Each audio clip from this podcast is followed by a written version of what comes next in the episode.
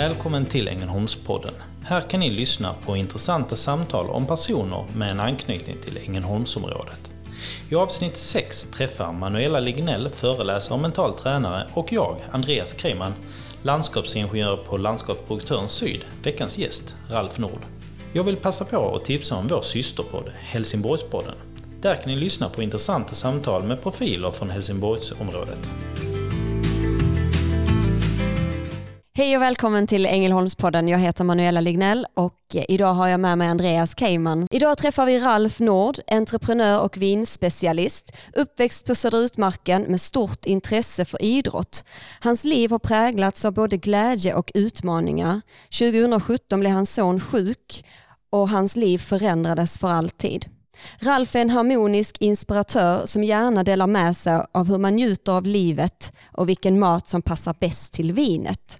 Välkommen till Ängelholmspodden Ralf Nord. Tusen tack. Eh, Välkommen hit och idag sitter vi i din nya lokal. Det är rätt. Magasinet som, eh, ja det har bara varit igång några, några veckor faktiskt. Det blev klart i, i början på eh, december förra året.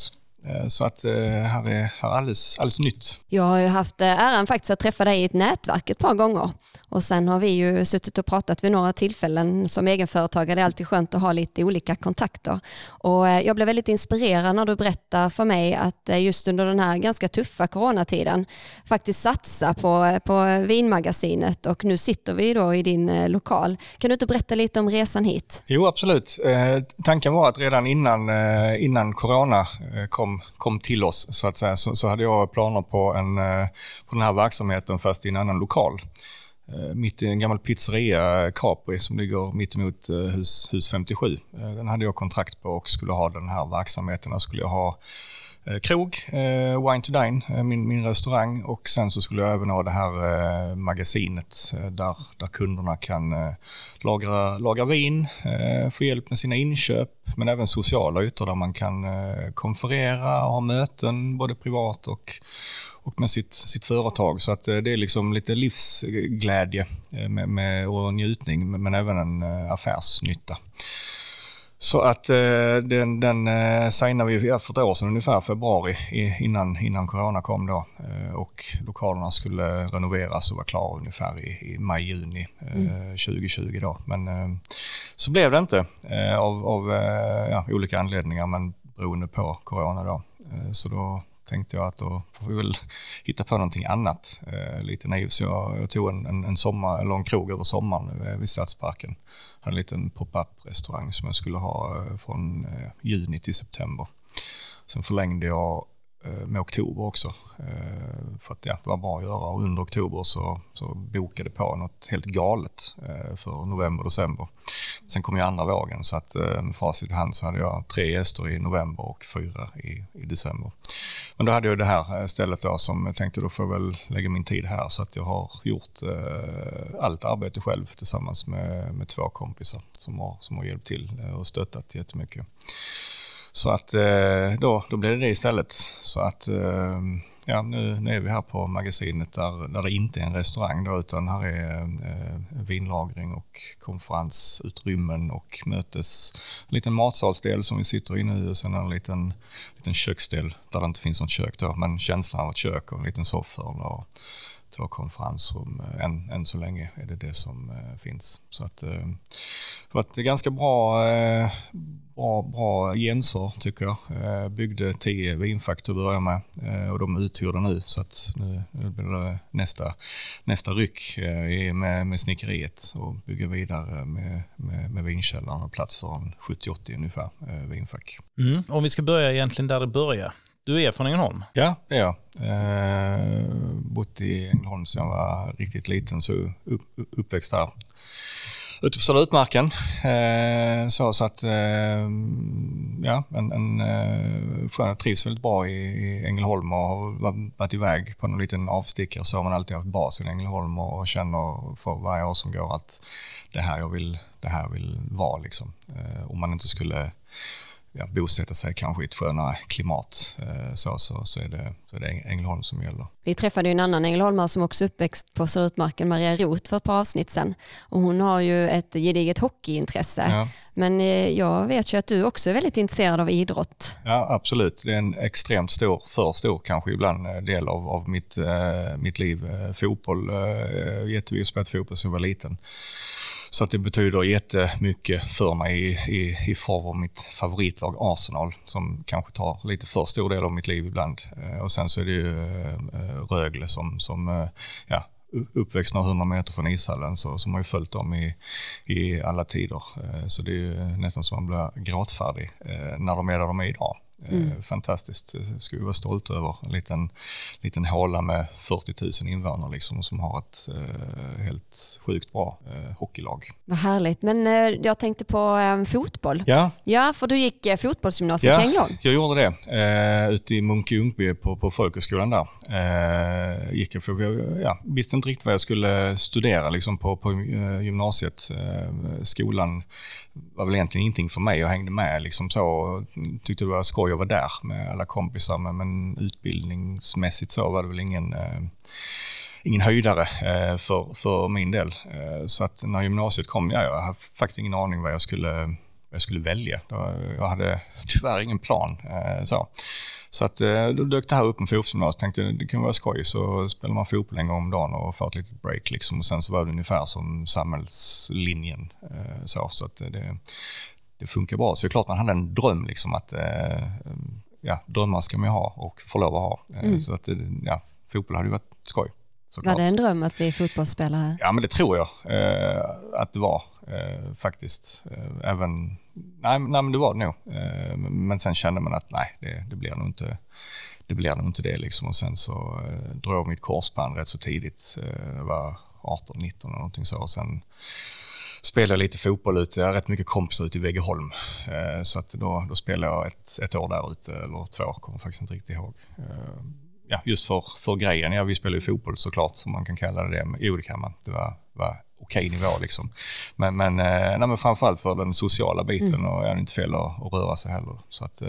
Blir det någon hockey för dig med? Jag tänkte eftersom du Söderutmarken och där är många gamla hockeyspelare som är uppväxta på Söderutmarken. Ja, nej, nej, jag spelar hockey i ett par år kanske. Eh, så, eh, men ganska lat, så det var, var jobbigt. Skridskoskola, nej, det var inte, hade man inte puck liksom och så. så att, eh, men, men jag spelade några år, eh, men, men nej, det, var, det var fotbollen som var, som var grejen. Min största hockeyminne faktiskt, det var någon, någon, eh, någon turnering, jag vet inte vad man kan ha varit, en sju, åtta år. Så fick jag stå i mål. Det var ingen målvakt så jag fick stå. Och, och, och det, vi spelade mycket landhockey och så, där jag stått i mål också. Så då kommer jag ihåg, jag fick faktiskt pris av Ingvar Oldsberg. Han var han var speaker.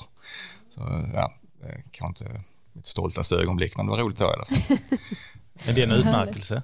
Eh, ja, absolut. En t-shirt har jag för mig. Sponsrad av någon lokal ICA-butik eller så. så att, eh, ja, jag har inte den kvar. Ja, och sen efter skolan så fortsatte köra lite lastbil? Ja, eh, en kompis som eh, behövde lite hjälp på sitt jobb. Eh, så fan kan inte du komma över här och ja, hjälpa till? Liksom, jo, jag hade ingen plan den dagen så började hjälpa till lite där och så sa de, ja men du kan få jobb om du vill, ta ett lastbilskort. Så, så gjorde jag det och så jobbade väl där ett, ett år ungefär. Det var väl eh, kanske inte drömjobbet men Jag trivdes bra att jobba med min bästa kompis på den tiden. Och, så att, ja, det var, var skoj. Det var ganska sorglöst. Så, mm. ja, trevligt så. Men sen kände jag att eh, nej, det, det, var inte, det var inte min min grej riktigt kanske att köra lastbil. Vad var det sen som fick in dig på det här med mat och vin? För du har ju spenderat väldigt många år inom mat och vinbranschen. Ja men det har jag. Det, det, dels, dels har jag väl i mig sen, sen, sen barnsben så att säga. Vi, vi, eh, min, min farmor var, var kokerska mm.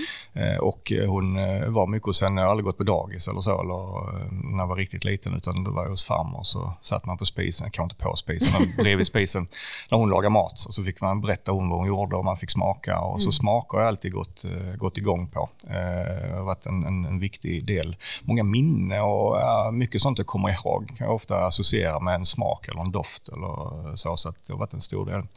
Sen var det faktiskt min, min, eh, min fru som, som fick in mig på, på detta. Eh, med, med, mat och dryck. Eh, hon gick en utbildning i, i Båstad eh, inom turism och där var även eh, mat och dryckesutbildning så den kunde kanske gå. Så jag sökte till den och, och ville bli kock då. Eh, för jag har jobbat lite på sjukhuset i köket där mm. och lagat mat. Det går skitroligt. Så jag sökte in som kock men hade ingen grunds eller gymnasieutbildning då för detta var en påbyggnadsutbildning. Så att, nej, kock får du inte bli liksom. Men ja, vi har sån servisutbildning tyckte de. Så jag tänkte, ja, ingen, ingen plan tänkte jag hoppar väl på det då. Eh, och det var faktiskt första gången som jag tyckte det var riktigt, riktigt roligt att studera. Eh, det, det, det bara kom till mig en eh, fantastisk duktig lärare på den tiden som förklarade i alla fall så att jag förstod. Så att jag behövde inte göra så mycket egentligen. Det bara, kom till mig och allt det man fick, fick på köpet, inte bara drycken utan man får eh, kultur och man får eh, geografi, hur det ser ut i länderna och var det är och hur det funkar där och eh, så. Så att det, jag tyckte man fick så mycket, mycket på köpet. Eh, så att det, det var en eh, fantastisk grund att stå på efter det, efter det året. Så det var, ja, det var så min, min frus fel, eller eller förtjänst, eh, vilket man, eh, vilket man vill, eh, som fick in mig på, på, på, ja, med, mat och dryck. Liksom. Och din fru hon är också från Ängelholm? Ja, det är hon. Ja. Hur träffades ni då? Vi, vi eh, faktiskt väldigt exklusivt, nej det var det inte. Vi, vi träffades på, på Klubb Ester på semester. Och en gemensam kompis som, som, som var med. Så att vi diskuterade om det var bäst med Carlsberg eller Tuborg. Eh, jag eh, kommer inte ihåg hur vi kom fram till, men eh, det, det, var, det var så vi träffades. Jag kommer ihåg eh, att eh, jag tyckte att jag var fruktansvärt rolig. Hon var en rolig människa. Vi hade liksom roligt ihop. Det var helt opretentiöst och bara, bara skoj. Eh, och det har vi faktiskt än, än idag. Har vi. Så det, det är min, min, ja, min fru nu. Andreas, kommer du ihåg Club Ester? Det var lite innan min tid. Ja, för jag, jag har hunnit vara där någon gång på Klubbester. Men vad var det här? Klubbester semester? Var det något speciellt tema? Ja, hade, semester, eh, dels en liten ordlek då. Eh, men, men sen så var det uppe på taket. Eh, så att det, det, det var, ja, ute, man kunde vara ute liksom. Så att det, det var, ja, det var inte så hård konkurrens från något annat ställe som jag kommer ihåg det. Men, men det, var liksom det, det tuffaste stället. Det var, det var rätt bra som jag kommer ihåg det. Det var lite rockband och ja, trevligt ställe och kändes som alla, alla var där. Alla, alla i, min, i min sfär i alla fall på den, på den tiden. Så, så att det, var, det var ett skojställe. Men det var väl ett ställe som var ganska populärt även för helsingborgare att komma hit till? Ja, jag tror det eh, faktiskt. Eh, att, att, att, ja, men det, det, var lite det var annorlunda. Rätt så opretentiöst och, och ja, bra. Så det, ja, det var där man det var där man var. Eh, kanske, det var, jag vet inte, kommer inte ihåg att det var konkurrens från något annat eh, direkt heller i och för sig, men, men det var bra som sagt. Det var, där man, det var där man var. Det var där man hittade sin fru. Ja, ja precis. precis. Så jag vet faktiskt eh, en av dem som, som, som var delägare istället träffade också sin fru där. Det har vi snackat om i, i efterhand. Så, ja, vi, vi är två i alla fall. Hur gammal var du när du blev klar med utbildningen i Båstad? Då var jag 23 var jag och eh, fick jobb eh, direkt eh, av eh, Per Dahlberg som, som har gastro nu. Eh, var en av lärarna på, på den här utbildningen i, i köket eh, och hans familj hade Grand i Mölle. Så fick jag, fick jag jobb där efter. Så jag jobbade, jobbade där ute och sen så starta Rickard Nilsson eh, och hans bror Kattegatt i, i Torekov. Eh, så då var, var jag med där när vi öppnade det, eh, 90, 96. Fantastisk, fantastisk arbetsplats, det var min första riktiga jobb om man säger så. Otroligt hög nivå, vi blev faktiskt framröstade som den näst bästa krogen i Sverige.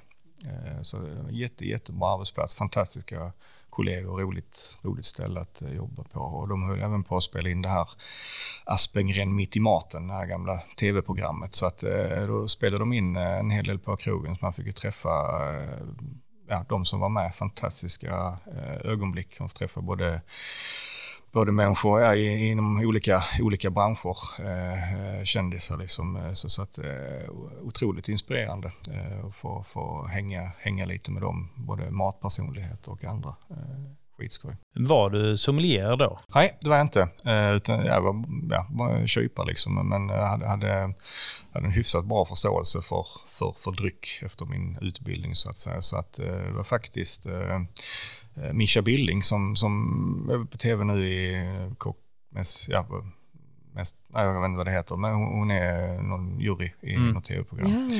Hon jobbar där, för hon var med i Asperger mitt i maten, så hon jobbade över en sommar. Så sa hon, ah, men ni, fan, ni måste ju, ni måste ju söka in till sommelierföreningen. Så ja, då fick vi väl göra det.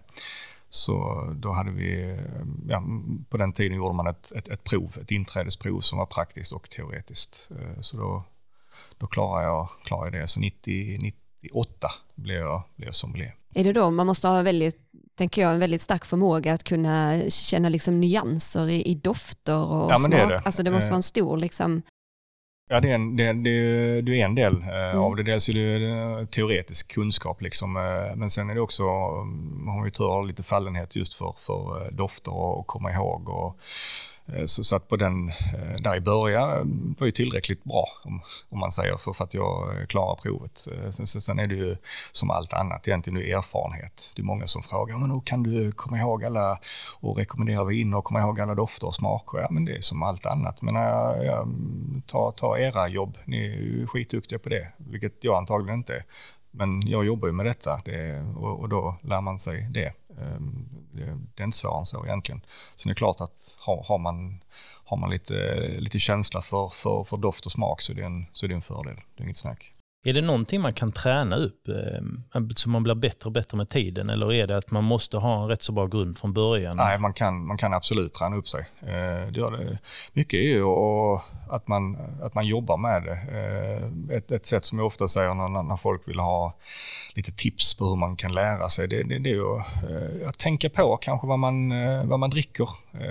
Titta på flaskan, man är på någon middag någonstans. Fan, det här var gott liksom. Så titta på flaskan. Ja, det var en Cabernet Sauvignon och det kom från Napa Valley. Ha, då, är det, då är det det jag gillar och sen så kommer man på kanske vilken druva det är eller vilket distrikt eller land eller vad det är man gillar så man ringer in det. Så det behöver inte vara det räcker man tar liksom en 10-15 sekunder och, och, och, tänker till på mm. vad smakar det, vad doftar det, gillar det, gillar det inte. Eh, om man gillar det, var kommer det ifrån?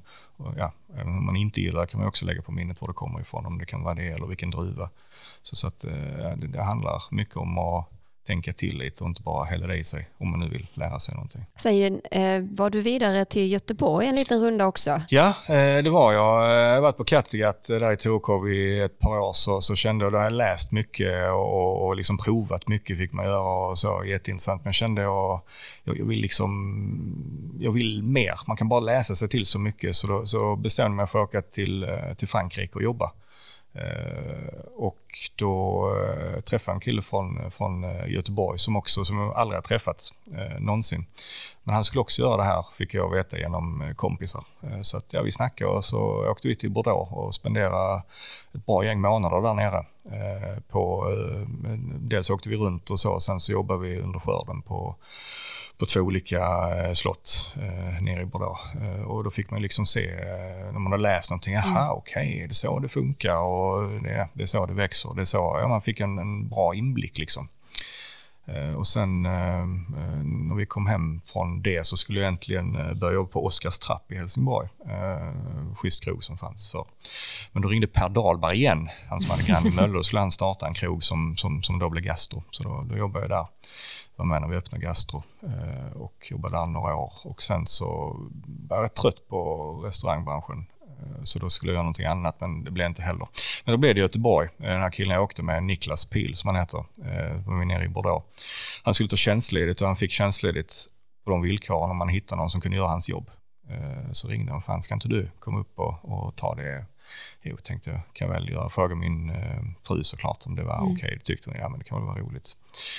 Eh, och då väntade vi vårt första barn som var ett halvår när jag började där eh, uppe i Göteborg. Eh, så då skulle jag vara där nio månader och vara där nästan två år eh, uppe och veckopendla. Eh, så att eh, eh, fantastiskt jobb var det under den tiden som Leif Mannerström drev, drev krogen. Sjömagasinet som det är en stjärna i Guide Michelin då, en fantastisk vinlista.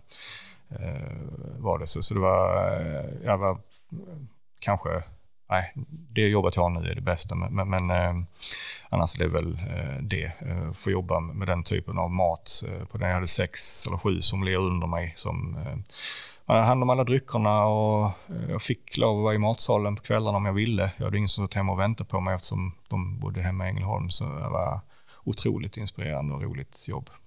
Men Leffe han ville inte flytta ner krogen till eh, Ängelholm. Så att, eh, nej, han ville inte det. Så, så att, eh, han sa att får vi flytta upp till Göteborg eller så, så får jag sluta. Och då valde vi att sluta för att jag, det, det här vi vill, det här vi ville vara med min, med, ja, med min familj liksom, i Ängelholm. När man är sommelier, tittar man egentligen på en vinlista, på en arbetsintervju? Är det en stor del när man tittar på vad har de någonting här? Är det något intressant eller? Alltså man, man eh, både och. Man söker, ska man börja någon annanstans så är det klart man, man, man, man kollar hur jobbar de och vad jobbar de med. Men sen är det också var, var krogen i, i sig är. Liksom, vad, vad vill de? Vill de eh, ha de jättefin vinlista men de vill dra ner den? Eh, eller har de en halvdålig vinlista men de vill, eh, de vill ja, göra den bättre helt enkelt. Så, så att eh, det, det, är lite olika men mycket, mycket är ja, vad de vill. Hur, hur ser hur jobbar de med, med, eh, det är inte bara dryck egentligen, det är mycket service. Liksom. Hur, hur, hur jobbar de här? Liksom? Vad, är det de vill, vad, vad är det de vill ge gästerna eh, egentligen? Så vin är ju en, en del eh, av det. Så det kan vara fantastiskt utbud med, med, med 50-60 viner. Eh, som på Sjömagasinet har vi över 1000 eh, Eh, olika eh, artiklar från, från början på 1900-talet och framåt. Eh, så, så att det, ja, det, det är ett sätt. Eh, så, så att, Eh, vin är faktiskt, även om, om det är mycket stort för mig, så är det bara en del av, av den totala upplevelsen. Du fick ju möjlighet att, att vara på många olika ställen och, och säkerligen lära dig oerhört mycket på alla de här olika anställningarna. Men någonting eh, säger mig att du ville lite mer än så, för det finns någon form av entreprenör inom dig Ralf, och ja, men, eh, viljan att driva ditt eget. Ja, och, och, och det jag vet inte riktigt om, om det är viljan och, och, eller det är det väl eh, egentligen. Jag, har alltid varit liksom, när, även när jag jobbat på krogen så har jag gillat tempot och, och jag har gillat den atmosfären. Men det har alltid varit något som, Eh, så som ja, jag fattade inte det då, men, men, men det var någonting som, som gjorde mig ändå lite, lite otrygg och kanske inte tyckte att det var superroligt allt, alltid. Liksom. Eh, men det vet jag, det, det vet jag nu att, att eh, en, en del är kontrollbehov. Jag har ett extremt kontrollbehov. Och det är rätt svårt att, och, och, när man jobbar på en större arbetsplats så kan man ju inte ha Eh, kontroll över alla borden. Eh, utan jag kan ju bara ha, ha hand om, om, om, om min del så att säga. Eh, så, så att, då blev det också lite efterhand att, att jag ville jobba med, med mat och dryck på ett, på ett speciellt sätt men det, ja, det fanns liksom inte.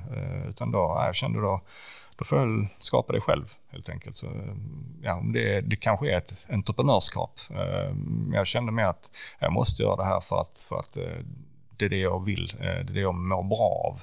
Och det jag inte heller visste eh, förr egentligen, det, det, det ja, man bara kör på liksom. Man kan inte alltid tänka efter vilken typ av människa man är eller så, men eh, också är extremt luststyrd.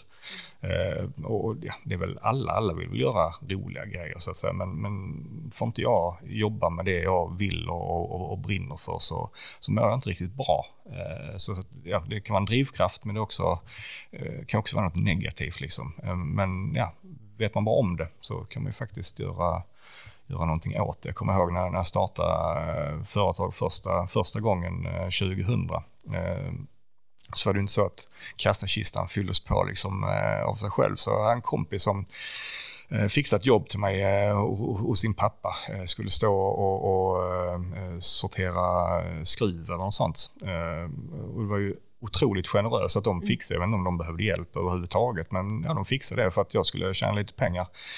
Men jag kunde inte, alltså jag fixade inte det. Det, det var så monotont och så ensidigt så ja, jag mådde fysiskt dåligt, men jag fattade inte varför. Eh, så att, nej, jag, jag kunde inte fortsätta och mm, det var jättesynd. Eh, för de har ju varit supergenerösa mot mig med och jag, ja, till sist så, så kom jag inte dit liksom. Eh, för att jag, jag klarar inte av det men jag fattar inte varför. Så att ehm, ja, man, man lär sig liksom hela, hela tiden hur, hur man är.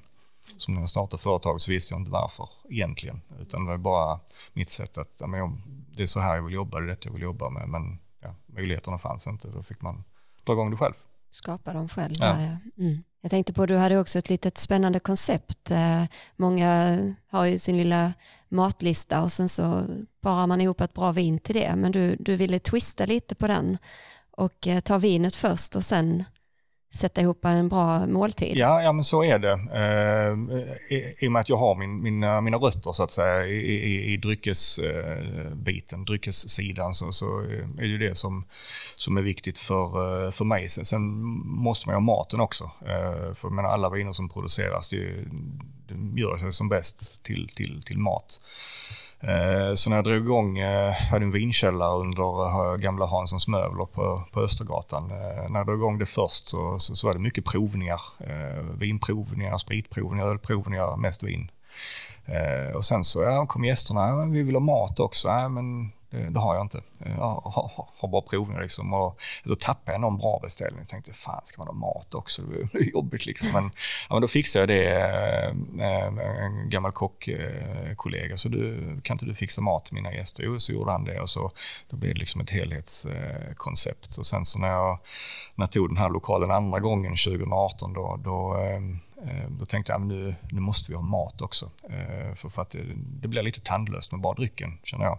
Det, det är liksom mm, tillsammans med, med mat som, som, eh, som det gör sig som, som bäst. Och då tänkte jag också ha kollegor som kom in och lagade maten. Men nej, det var ingen som riktigt kunde, ja men jag kan någon gång och någon annan kunde någon annan gång. Jag tänkte det blir en kontinuitet i det. Jag tänkte, jag får väl, får göra det själv. Mm. Så att då, då blir det att jag eh, lagar mat också. Men precis som du säger, då börjar jag alltid med att bestämma, nu ska vi dricka detta.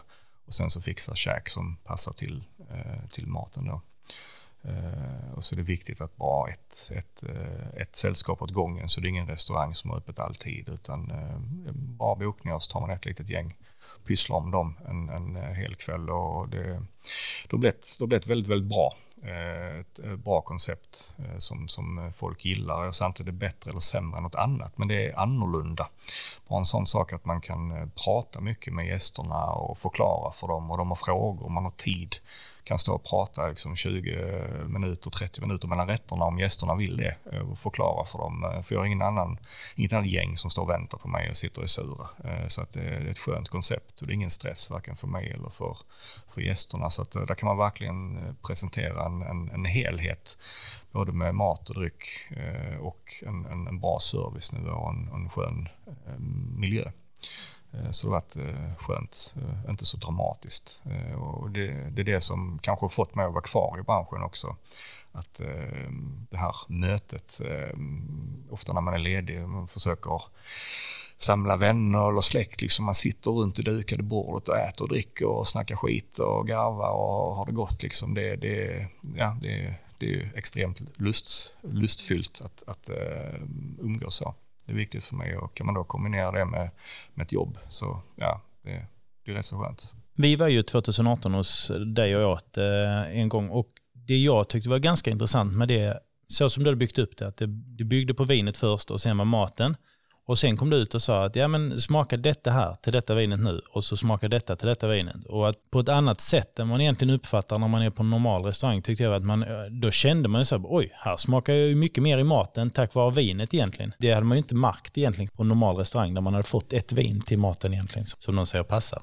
Nej, nej men så, eh, eh det är ju en stor grej, just vad som händer med maten eller vinet och eller vinet, eh, just den kombinationen. Och normalt sett på, på eh, eh, ja, på en vanlig krog så att säga. Så ja, då beställer du din mat och sen så kanske ett glas vitt till förrätten, så delar man flaska rött till varmrätten. Ehm, sen är det inte, det är inte alltid det, tyvärr är det inte alltid tid för, för personalen att, att, förklara och tänk nu testa vinet först och sen känner hur det smakar och sen tar du en tugga av maten och så tar du en klunk av vinet igen så upplever, uppför sig vinet på ett annat sätt. Eh, där är inte den tiden, eh, tyvärr eh, är det inte det. För, för att eh, där är helt enkelt inte råd att ha tillräckligt mycket personal på, på, eh, på krogen. Det är en bransch som är med väldigt små marginaler egentligen. Eh, och det var det jag var, kände också att jag tyckte inte det var roligt, för, för där, är, där är så mycket stress i, i restaurangbranschen. plus att man ja, man hinner liksom inte med och, och, och ge sina gäster eh, upplevelsen. För jag menar, även om man säger att man ska gå ut och äta, eh, så, så att det första för gästerna, ja, om man gör det svart och vitt så är det att bli mätt. Men, mm. men du är ändå inte där för gästerna idag går ut, utan man vill ju ha en upplevelse. Eh, sen, och det kan vara en upplevelse att bara ta en förrätt och en, en, en pilsner till det, liksom, för att det är det man är ute efter den gången. Men eh, eftersom jag jobbar med, med dryck så tycker jag det är roligt och lite som du är inne på också att vissa rätter kan man få kanske både två, tre viner till, eh, till, till samma rätt just för att och känna ja, vad som händer. Eh, och det, det är så jag vill jobba. Eh, och de, det finns inte så många sådana ställen. Då, ja, då får man helt enkelt göra det själv. Liksom. Jag tycker också det tillför också någonting. Som sagt, inte att det är bättre eller sämre än, än någon annan restaurang, men, men den är annorlunda och där, där är inte direkt några sådana ställe, andra ställen i, i, i, stan. Och då tycker jag, ja men då tillför det någonting till, till krogscenen i, i Ängelholm. Eh, så, som passar inte alltid, men ja, någon gång kan det kan det passa och då, då är det alternativet också. Jag tänker på det, det här konceptet, är det det som du kallar för wine to dine? Ja, ja, ja men det kan man säga. Uh, att det, det är wine to dine, alltså ja, vin till, till, till mat. Uh, och så att det rimmar då också uh, såklart. har det varit ett, ett, ett koncept som ändå har funkat kanske lite bättre i, i coronatider? Eftersom om jag förstår det rätt så tar du emot slutna sam, alltså sällskap ja. som sitter tillsammans och, och ett sällskap ja, i taget. ja. Bara ett, eh, ett gäng åt gången. Så att, eh, när han öppnade den här lilla pop-upen i, i, i somras så var det många, många, eh, många gäster som, som ja, men vi hade inte gått ut och ätit om inte detta hade funnits. För det här får vi vara för oss själva. Och, ja, då kunde man ta med 70-plussarna eh, så, som inte hade varit utanför dörren i, i princip. Liksom. Så att då, ja, då kunde de komma till mig och, och sitta där och tyckte det var tryggt och fick eh, servera alltid lite handsprit innan de kom ur, ur, ur snapsglas eh, som en en liten rolig grej liksom. Så känner de sig trygga och så. Ja, de behöver inte möta någon annan mer än mig då. Eh, så, så att det, det, det, funkar, det funkar väldigt bra. Driver du fortfarande det konceptet? Jag tänker nu när vi har eh, vinmagasinet här på batterifabriken. Eh, just eh, idag så gör jag inte det. Jag lämnade den här pop-upen vid Stadsparken i sista december. Så att nu, nu har jag ingen, ingen krog längre men där är, där är långt gångna planer på att dra, dra igång det igen. Så att det, det är egentligen en lokal som, som, eh, som jag ska ha. Eh, och förhoppningsvis så, så blir, det, eh, blir det här där vi sitter idag, eller vägg i vägg. Det, det är absoluta ambitionen. Men om man kommer hit här till dig, här, man kan catera hit mat? Skulle man kunna göra, absolut. Så man kan få, ändå få mat och dryck ja, ihop när man sitter här. Absolut, som, som det funkar eh, just nu så, så här på magasinet så är här, eh, här är plats för 70-80 kunder eh, och i dagsläget är det, är det 10 då. Och, och då, då betalar de en årshyra för, för att vara här och då får de ett vinfack för där är plats för lager ungefär 200 flaskor så får de all hjälp de behöver med inköp och eh, allt vad det nu är. Eh, och sen så får de nyttja lokalerna när här är öppet. Och då kan de ha det till, de kan sitta och prova vin, du kan sätta dig här och jobba lite, du kan eh, köra en konferens, eh, ett av konferensrummen, eh, du kan bara hänga här, ta ett kort litet kundmöte. Två stycken för några veckor sedan som, som har ett, eh, den ena hade vinfack så de bara här, ja, men, satt och tog lite, eh, eh, delade en flaska bubbel och sen så gick de ut på stan och, och skulle käka sen så, så att det, det är liksom lite ett annorlunda koncept, ganska höga trösklar för att, för att få hit kunder för det är lite luddigt, ja men är det en restaurang? Nej det är det inte. Det, ja de vet inte riktigt vad det är. Så att, eh, jag brukar, brukar ta hit eh, de som är intresserade och så, mm, ja, så går man runt och visar upp stället och förklarar vad det skulle kunna göra för, för dem om man är företagare eller om man är privatperson. Eh, så, så att, de, de, de som varit här har fattat grejen och tycker det är en, en spännande och bra, bra idé. Liksom. Vissa går in för att de tycker vinkonceptet är fantastiskt och vissa kanske bara kommer att ha en flaska Baileys i sitt vinfack för de tycker att den här affären affärsnytta med att man betalar en, en eh, årsavgift och så kan du vara och konferera eh, eller ha möten och så. Eh, vilket ingår i, i priset då att det är fantastiskt, liksom, sparar dem mycket pengar. Jag tänker på att eh, ibland händer det ju saker i livet som man kanske inte har förberett sig på eller varit förberedd på. Och jag vet att 2017 så blev din son sjuk. Ja, eh, nej det, det, var vi inte direkt förberedda på eh, kan jag säga. Eh, det var mitt, eh, mitt i en period när, när jag eh, jobbade väldigt mycket med, med vinhandel. Jag började på ett företag 2009 tror jag. Som, ja, det var en, en, en startup, företag som heter Winefinder, en butik på nätet. Eh, när jag började var vi tre personer och eh, vi hade 600 medlemmar. Eh, sen när jag slutade så var vi 16 personer anställda och hade 25 000 medlemmar. Så under de åren från 2009 så, så jobbade jag väldigt mycket. Jag tyckte det här var fantastiskt. Otroligt bra koncept som, som, som även är en fantastisk kundnytta. Eh, och jag tyckte det var jätteroligt och eftersom man är luststyrd så gick jag all in på det. Eh, och, bara jobba, jobba, jobba, jobba och jobba eh, jättemycket och förstod liksom inte riktigt vad, eh, att jag bara jobbade. eh, och och eh, var sjukskriven någon gång där eh, emellan också. Eh, för det, ja, det blev för mycket kontrollbehov, tar för mycket ansvar gör, gör för mycket eh, olika grejer och då, ja, då tar det ännu mer eh, timmar så att kroppen bara sa ifrån. Så en morgon vaknade jag på köksgolvet eh, och undrade vad som hade hänt. Så, så ringde jag till min chef och sa du, eh, jag blir lite sen idag. Jag kommer, kommer om någon timme. Han fattade direkt eh, vad det var så han sa nej, du kommer inte in. Eh, sen var jag var hemma tror jag i, i ett halvår eh, eller mer. Eh, så, så att eh, Dickley var ganska, ganska, ganska sliten men jag valde ändå eh, av någon anledning att, att eh, jobba vidare. Så att lite som du var inne på 2017 så så blev vår son eh, dålig, han var tio år gammal då.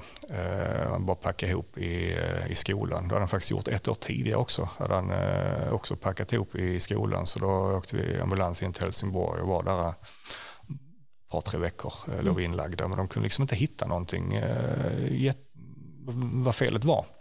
Eh, så de sa att det kunde vara någon hjärtmuskelinflammation kanske, men, men de sa också att ja, vi är inte särskilt nöjda med det svaret. Men ja, det, det, är lite det vi kan, kan, kan se. Liksom. Sen gick det ett år och så eh, packade han ihop igen och då visste ju skolan om vad som, vad som gällde. Så de ringde ambulans direkt eh, och hämtade honom ute på idrottsplatsen, de hade fotbollsdag. Mm.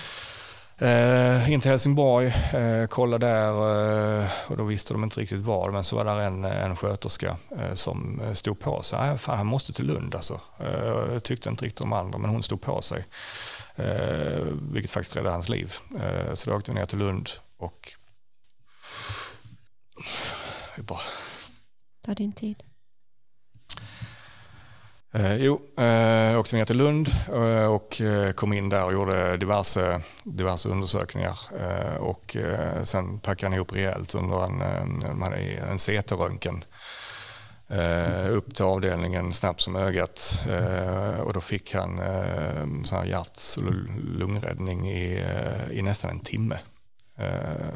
och, men hon lyckades rädda honom och sen så efter det så eh, låg han nersövd i eh, nästan två veckor. Nersövd och nerkyld. Eh, och, ja, och då visste de liksom inte riktigt eh, vad som, eh, ja, vad det var för fel. Men, så har de hittat på den här CT-röntgen, de har hittat ett, eh, ett, eh, ett kranskärl som, som, eh, som inte gick som det skulle. Så att han har egentligen aldrig, hans hjärta har aldrig fått den tillräckligt med syre. Och när han då ansträngde sig så fick det ännu mindre. Så, så att det konstaterar de och sen så när han låg där så hade han en maskin som skötte hans, hans hans lungor utanför kroppen och en maskin som eh, skötte hans hjärta utanför, utanför kroppen. Eh, och eh, den här eh, maskinen som sköter hjärtat, man kan inte, man kan inte ligga med den eh, eh hur länge som helst. Eh, för, för det, ja, kroppen klarar inte av det helt enkelt, så de kände mig tvungna att göra någonting. Eh, och då kom de på att vi behöver nog göra en operation. Eh, och den, den, här operationen har man, eh, man aldrig gjort i Sverige eh, tidigare. Men eh, nere i, i, i Lund då, så var det eh, en läkare som hade assisterat vid, någon här, eh, eh, vid en liknande operation i, i Paris. De hade faktiskt ett nätverk med läkare i Paris, i London och någon i USA och på något annat ställe. Så de hade telefonkonferens lite med jämna mellanrum och så kom de fram till att nu har utvecklingen gått hit och nu har detta hänt och så kom de fram till att Nej, men det, det är nog rätt att göra den här operationen. Så det presenterade de för oss och ja, men det, det är svårt att säga nej eftersom man inte har någon kunskap om någonting. Så att, eh, de gjorde den här operationen och eh, den har faktiskt eh, blivit lyckad. Då. Mm. Så han vaknade upp på midsommarafton 2017 och Eh, ja, sen dess har han varit vaken så att säga och, och han, är, eh, han, är, han, är, han är frisk idag, eh, har, har lite, lite små restriktioner så att säga. Men, men annars så är han som vilken snart 14-åring som helst. Eh, så att eh, eh, det var tuffa, en, en, en, tuff tid att spendera en, en, en sommar på, både på sån Ronald McDonald sjukhus. Så. Men under den, där har man verkligen sett den, den bästa sidan av svensk sjukvård. Helt sjukt bra. Så bra. De, de som jobbar där, de är liksom stöpta i en form för att jobba med människor och så. Det är, det är helt, helt galet bra. Så det var en tuff period. Eh, sen ska jag inte säga att det var tuffare efter, men nästan lika tuff. För då på något sätt fattar man vad man hade varit med om. Eh, hur illa det kunde gått och kanske egentligen skulle gått. Mm. Eh, enligt vad de har sagt i efterhand. Liksom. Eh, så att eh, det var, jag tror jag gick nog hemma i åtta månader efter, efter det. Eh, och mådde skitdåligt och funderade på vad jag, vad jag egentligen ville ville göra. Eh, funderar mycket på eh, under den tiden när jag varit sjukskriven tidigare då så, så gick jag och pratade med eh, med eh, psykolog eh, och, och träffade en till sist som, som eh, som också har eh, hjälpt mig enormt mycket. Lisa, om du hör detta, tack ska du ha. Mm. som, eh, som verkligen fick mig att förstå vilken, vad jag är för människa och även gav mig redskap till att ja, tänka rätt. Ganska enkelt egentligen. Det gäller bara att, att göra det. Så det gick jag med all den information jag hade om, om mig själv och hur, hur livet var och så här. Så eh, gick jag och funderade på ja, men vad är det jag mår bra av, vad är det jag inte mår bra av. Eh, så kom jag fram till det och sen så hur, hur fan ska jag omsätta detta i mitt liv, eh, i mitt arbetsliv. För eh, tyvärr så är jag inte ekonomiskt oberoende så jag behöver jobba.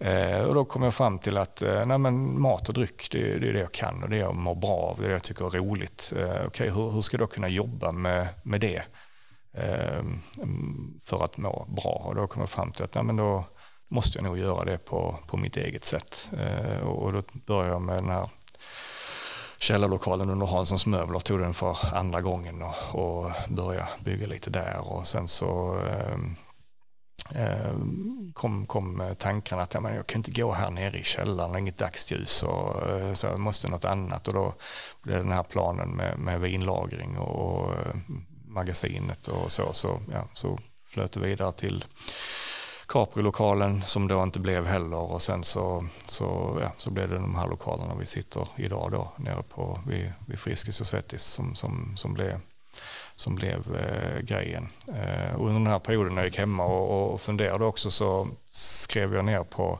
en A4-sida eh, regler för mig själv eh, och mitt företagande eh, som jag faktiskt, eh, inga konstiga grejer, men, men, bara grejer som, som jag går tillbaka och tittar på det här pappret ibland och Eh, jag följer fortfarande de här reglerna. Så här ska jag, ska jag leva mitt, mitt eh, liv och må bra av. Jag vill vara i Ängelholm och nu jobbar jag i princip 300 meter från där vi bor. Eh, så att man kan, kan vara mycket med, med sin familj när man känner för det och de kan komma hit på, ja, när de är slut från skolan eller vad det nu är. Liksom, och, eh, ha ett liv där man, där man mår, mår bra. Eh, det, det, är extremt viktigt för mig och så då göra roliga grejer eftersom eller råkar vara luststyrd liksom, så, så får man ehm, eh, ja, skapa, skapa sitt eget eh, sätt med de, med de, eh, medel, de medel man har. När jag hör dig berätta det här om liksom, din son som blir så pass sjuk och eh, man har själv, jag har själv en pojke som är tio år och ibland svårt att sätta sig in, liksom, vad skulle man göra i en sån situation? Den maktlöshet man måste känna sig som förälder. Liksom. Och stå där vid sidan om och kanske inte veta vad som ska hända och hur det kommer att bli. Vad, om du bara liksom, vad har det här betytt för dig? Vad har, vad har du liksom, vad är det för insikter? Du har berättat en hel del om att du har ändrat saker i ditt liv, men liksom, hur har det här påverkat dig och din familj? Och... Ja, det är klart eh, det har, det har påverkat. Eh, alltså skulle, såklart så skulle jag vilja att det här aldrig har hänt. Eh, men, men nu när det har hänt så är det många, många positiva grejer att ta, ta ur, ur, ur, ur det. Jag är väldigt positivt Humorn räddade oss också mycket när vi stod där nere. Man kan faktiskt skämta om allt och det gjorde vi. Eh, det, det, det, är en extremt viktig eh, grej det här med ja, lust, mm. lusten liksom. Ha, ha, det var inte så jävla roligt att vara där, det är inte det jag säger. Men, men eh, man ändå kunde... Det är kanske en kunde, överlevnadsmekanism ja, också, att ja, kunna lite söka... så. Och sen, eh, sen fattar man ju inte heller, eh, alltså klart man förstår att det var allvarligt, men förstår inte djupet av det. faktiskt förrän, förrän efter. Då, de berättar ju inte precis allting heller för den delen förrän efter. Eh, så, så, så, att eh, det, det eh, nu glömde jag faktiskt frågan. Jag tänkte mer om liksom, det var någon specifik så här, eh, liksom insikt som du kände alltså det, som förändrade dig. Ja, eh, nej men absolut. Eh, man, bör tänka lite på vad, vad som är viktigt. Det är ju inte, eh, för mig i alla fall, det är, det är inte, det är inte jakten på, på, eh, på pengar eller eh, ja, status eller så, utan det är, det fan man det är roligt, må, mm. må bra. Alltså du kan ju ha mycket pengar som helst, men om du inte mår bra så är roligt är det. Eh, det, det, det alltså bara, bara må bra, eh, um, um, um, ha, ha, bra människor runt omkring sig. Också en sån grej jag, jag kände på, på, på jobb där man har varit eh, eh, människor som inte kanske riktigt gör vad de, vad de ska. Eh, jag har jättesvårt för det. Eh, och det är inte det att jag sätter liksom superhöga krav på någon, men om du säger att du ska göra någonting så fan gör det. Mm. Eh, sen om någonting händer så du inte kan göra det, då får du meddela det så får vi hjälpas åt. Men, men ja, de som, som, som drar sig undan lite och inte bidrar till, till gruppen jag har jättesvårt för. Det är också en del att, fan då får, får väl får väl ha mitt eget företag och, och, och, jobba själv. Liksom. Och sen omge sig med, med bra människor som kan komma in med att man hjälps åt. Eh, en hel del egna företagare som, som man tar in vid olika tillfällen och så gör man grejer ihop. För det är klart man saknar den här dynamiken som är på ett eh, företag när man, när man går själv.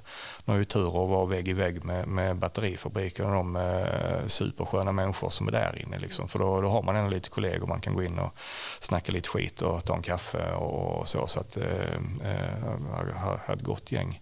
Så, så att eh, att man tänker efter lite. Vad är det som är, vad är, det som är viktigt? Och det är att, att eh, ha bra människor runt omkring sig och göra roliga eh, grejer, eh, saker man mår bra av. Eh, det, det, det, är det absolut viktigaste och så får man försöka och, och, och hitta någonting som, som fungerar. Och det går att göra. Man, man, kan, man kan vara kung över sitt eget liv.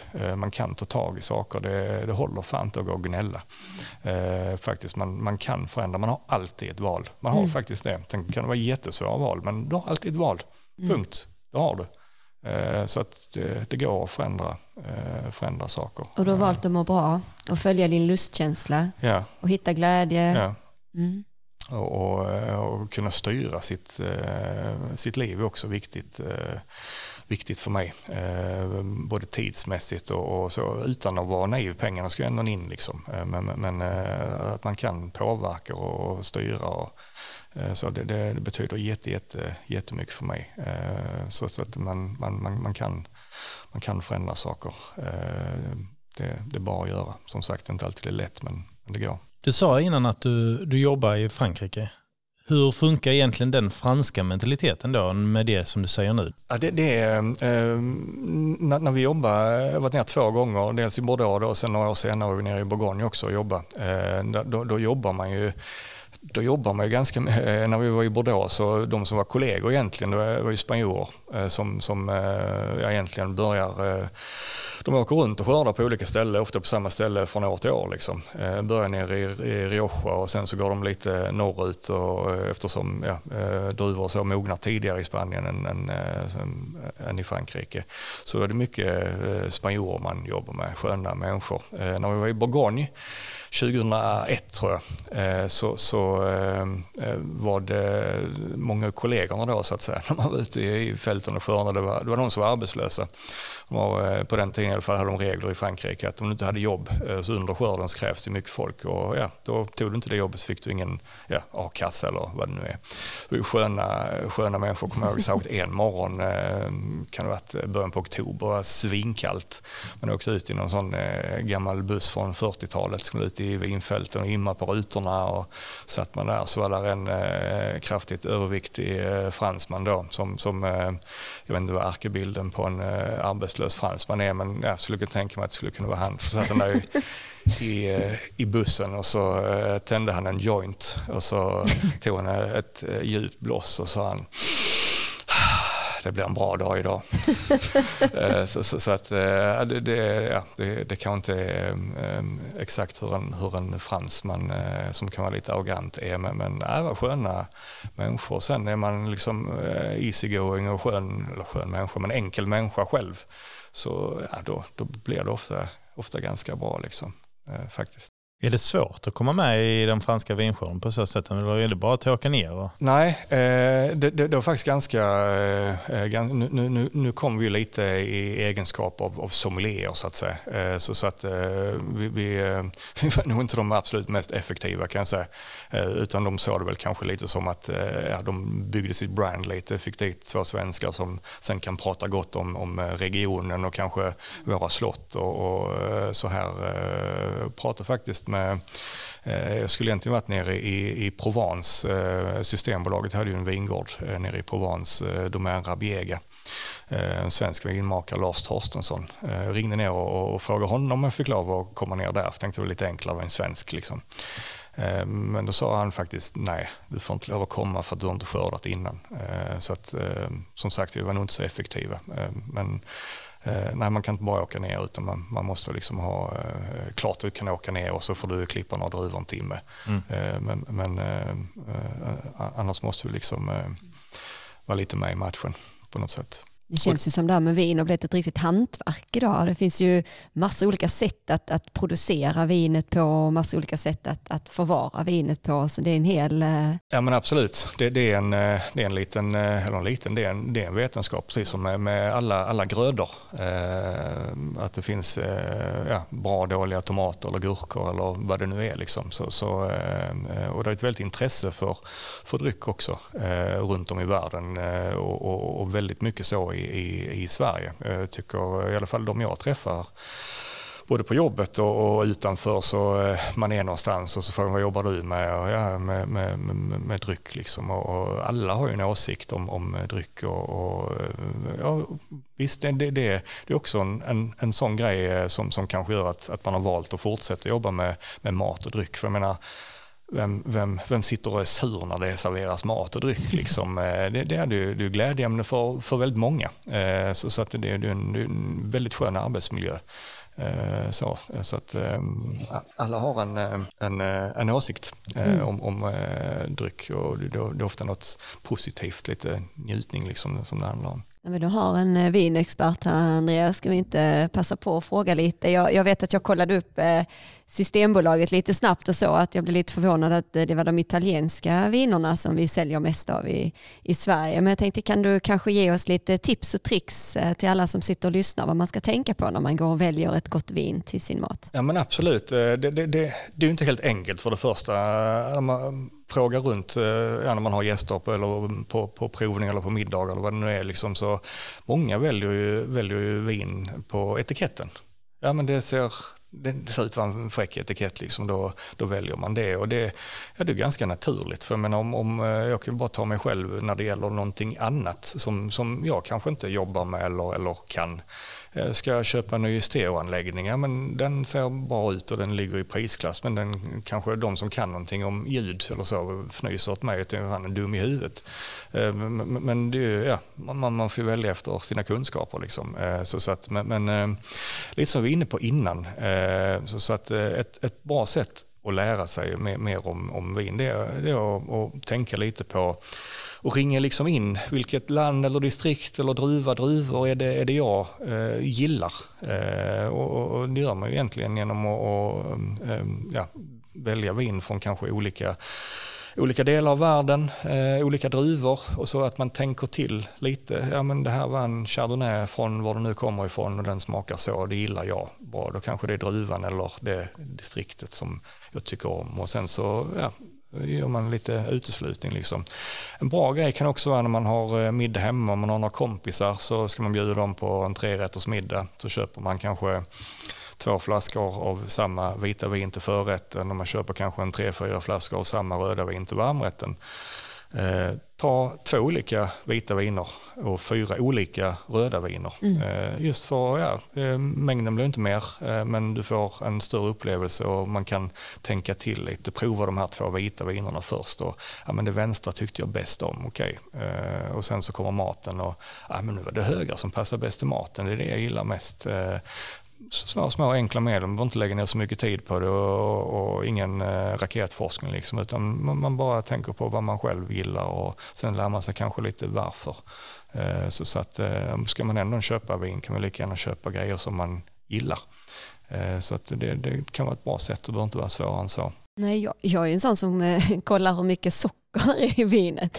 Det är min enda kriterium. Nej, det är inte min enda, men jag brukar kolla liksom om det är mindre än 4 gram socker. Ja, men då går den med. Då, då funkar den. Ja, är det någonting liksom, är det, är det... Ja, men socker, eh, socker är ju en, är ju en, en, eh, grej, jag ska inte säga att alltid, men, men, ofta är det mycket socker. Alltså du kan dölja rätt mycket smak med socker. Mm. Eh, så att är det mycket socker i dem så kan det, kan det behöver inte vara, men det kan vara att, att ja, vinet är nog inte så jävla roligt egentligen. Mm. Men det kan man då bygga över med, med socker. Eh, ofta, inte alltid, men ofta är det även så med den typen av vin man köper i en kartong eh, med en påse, en bag-in-box. Alltså.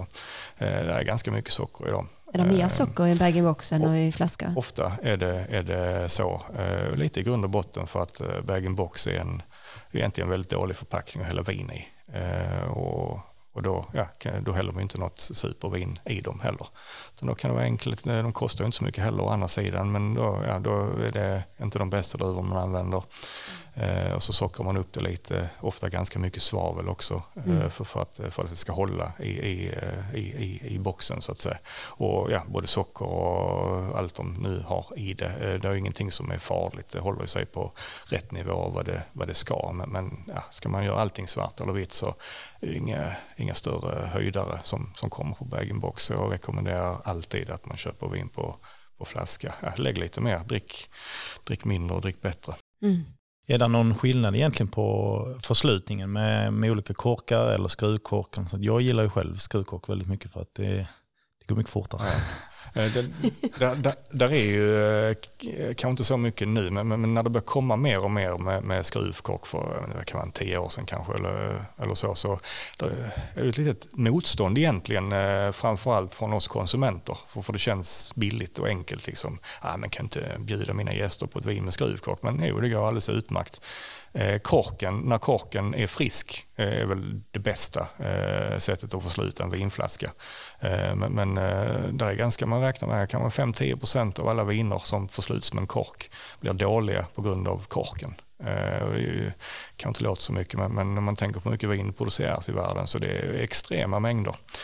Och korken som sådan, ja det kanske inte är en bristvara, men, men det finns inte hur mycket. Det är en naturprodukt. Ja är det, det är det barken på korkeken så det är inte som Ferdinand att de, där hänger korkar i träden. Liksom. Eh, så, så att, eh, eh, skruvkork är utmärkt och du kan köpa, kan köpa vin för 2000 spänn flaskan som kommer med en skruvkork idag. Eh, så, så, så, att eh, det, det, det, är ett jättebra eh, förslutningsmedel med, med hur, hur är de plastkorkarna som också finns? Är de... Jag vet, jag kan inte det supermycket, men, men det jag vet att diskussionen var när plastkorken kom, det, är att de, de håller inte riktigt formen. Om man har ett vin som ska ligga under en längre tid, alltså ett bra gäng år, så, så håller de inte riktigt formen och sluter de inte riktigt tätt. Så att man ser mindre och mindre plastkork och då har skruvkorken tagit över den platsen kan man väl säga. Ralf, vi har eh, två stycken stående moment i Ängelholmspodden och eh, den ena av de momenten det är att eh, alla gäster får ta med sig en personlig sak. Någonting som betyder något för en och vi har ju bett dig ta med en personlig sak idag. Ja. Um, nu kan ju inte lyssnarna se vad du har tagit med så du måste beskriva den ja. och framförallt varför du har valt att ta med dig det. det ehm, när, när, när, jag fick den informationen så kände jag, eh, jag kände lite ångest faktiskt. Uh, fan ska man ta med liksom? Jag kunde inte bara ta med ett blaj, det ska ju ändå vara lite seriöst eller nej, behöver du det? Där. Uh, jag, jag, är liksom ingen prylmänniska uh, så jag är jättesvårt. Det jag kom fram till, jag hade lite olika alternativ. Eh, först, jag tog med en vinöppnare, för det, är liksom, det kan vara lite nyckeln till min framgång. Nej, tänkte, mm. nej det gör jag inte. Jag tänkte, nej men ta med, ta med ett foto på min, eh, på min familj. Mm. För familjen betyder extremt mycket för mig och det är inte bara eh, de fyra som, som är min fru och mina barn utan även eh, min, eh, min frus eh, eh, familj och, och ja, min, min, min, egen familj så att säga med föräldrar och syskon och så. Så att, satt i morse, men jag tar den, vi har en tavla som, som vi, vi tog en bild när min son var ett halvår. Nej, men den fick jag inte ta med heller. Och så sa min dotter, pappa, idag när du ska hit, liksom, det är två saker. Gör inte bort dig själv och gör inte bort mig. Nej, okay då. Eh, så, så, att eh, någonting jag hade lite svårt för, så jag, jag, jag har faktiskt en tavla jag har tagit med. Mm. Eh, och det är, det är faktiskt en bild på eh, Ricky Gervais. Eh, så det är ingen pryl så egentligen, men, men allting kommer omkring så humor mm. är extremt eh, viktigt för, för säkert alla. Men, men, för mig är det viktigt. Det är viktigt att ha roligt eh, och göra roliga grejer och må bra. Eh, Ricky Gervais, eh, han är, han är i mångt och mycket, han personifierar det för, eh, för mig. Också, eh, han, han eh, går lite i bräschen för att man kan skämta om precis allting. och jag håller faktiskt med honom för att det, och han menar också att det är liksom på sättet du gör det, det är det som spelar roll. Men man kan faktiskt, man kan skämta om cancer, man kan skämta om döden, man kan skämta om ja, vad du, vad du vill liksom. Mm. Eh, så länge man gör det på ett, på ett bra sätt. Eh, så att det, det betyder extremt Det är ju en mycket. väldigt bra ventil att skratta eh, ja. och släppa ut liksom och börja tänka på något annat. Ja, ja men det är det. Så att det, det, det har hjälpt mig och, och, och min familj. Vi har, det är inte så vi går runt och garvar hela dagarna, men, men vi, vi har väldigt roligt och, mm. och det är en av de eh, grejerna med min, eh, jag älskar henne på alla sätt men, men hon har eh, jävla skön humor och det har faktiskt mina barn också. Framförallt ironi, det, det, det, är, det, det, det, det är underbart. Vi har mm. roligt ihop. Vad härligt. Du ska också få eh, dra en, eh, en fråga. Eh, alla våra gäster får skriva ner två stycken frågor och sen så får man dra en av dessa när man är på besök hos oss. Så du ska få dra i den här skålen en pappersbit och sen när du har valt en av frågorna så ska du få öppna den och så läser du frågan och därefter kan du få svara på den. Eh, jag tog den minsta lappen för jag tänkte att det, det kan inte vara så svårt. eh, men det står, vilken superkraft skulle du vilja ha? Ja, tack för den. Eh, den är inte helt, den är inte helt enkel faktiskt. Vilken superkraft. Ja, man, skulle, man, skulle vilja, man skulle vilja kunna liksom hela, eller hela, man skulle vilja läka människor som är, alltså har, den, har den förmågan. Att, att, eh, att eh, ja, människor som inte mår bra eller är sjuka, att, att få, få dem eh, att bli friska och, och, och må bra. Det varit, en rätt skön superkraft ja. faktiskt. Det är en väldigt fin kraft. Ehm, ja. Ehm, så. Sen så jag flyga hade ju varit coolt också. Liksom. Ehm, men, men, nej, men det, det hade nog varit en skön superkraft faktiskt. Mm. Då hade det blivit roligare. Eh, Ralf, tack så oerhört mycket för att du valde att eh, komma hit idag. Jag hoppas din dotter känner att eh, du inte har gjort bort varken henne eller dig.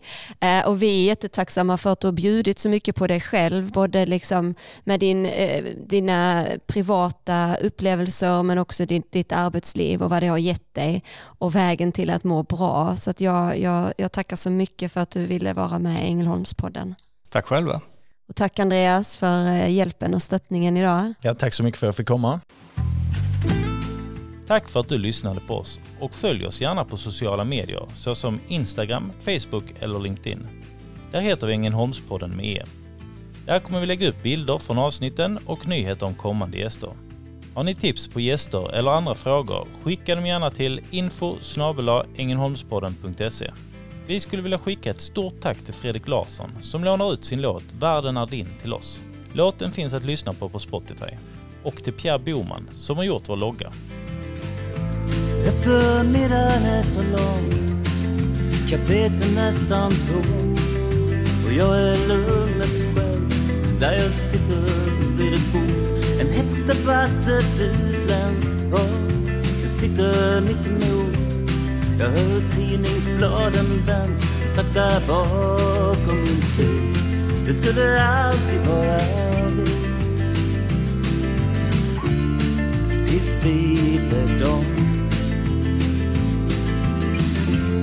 Nu är hela världen min lika mycket som du.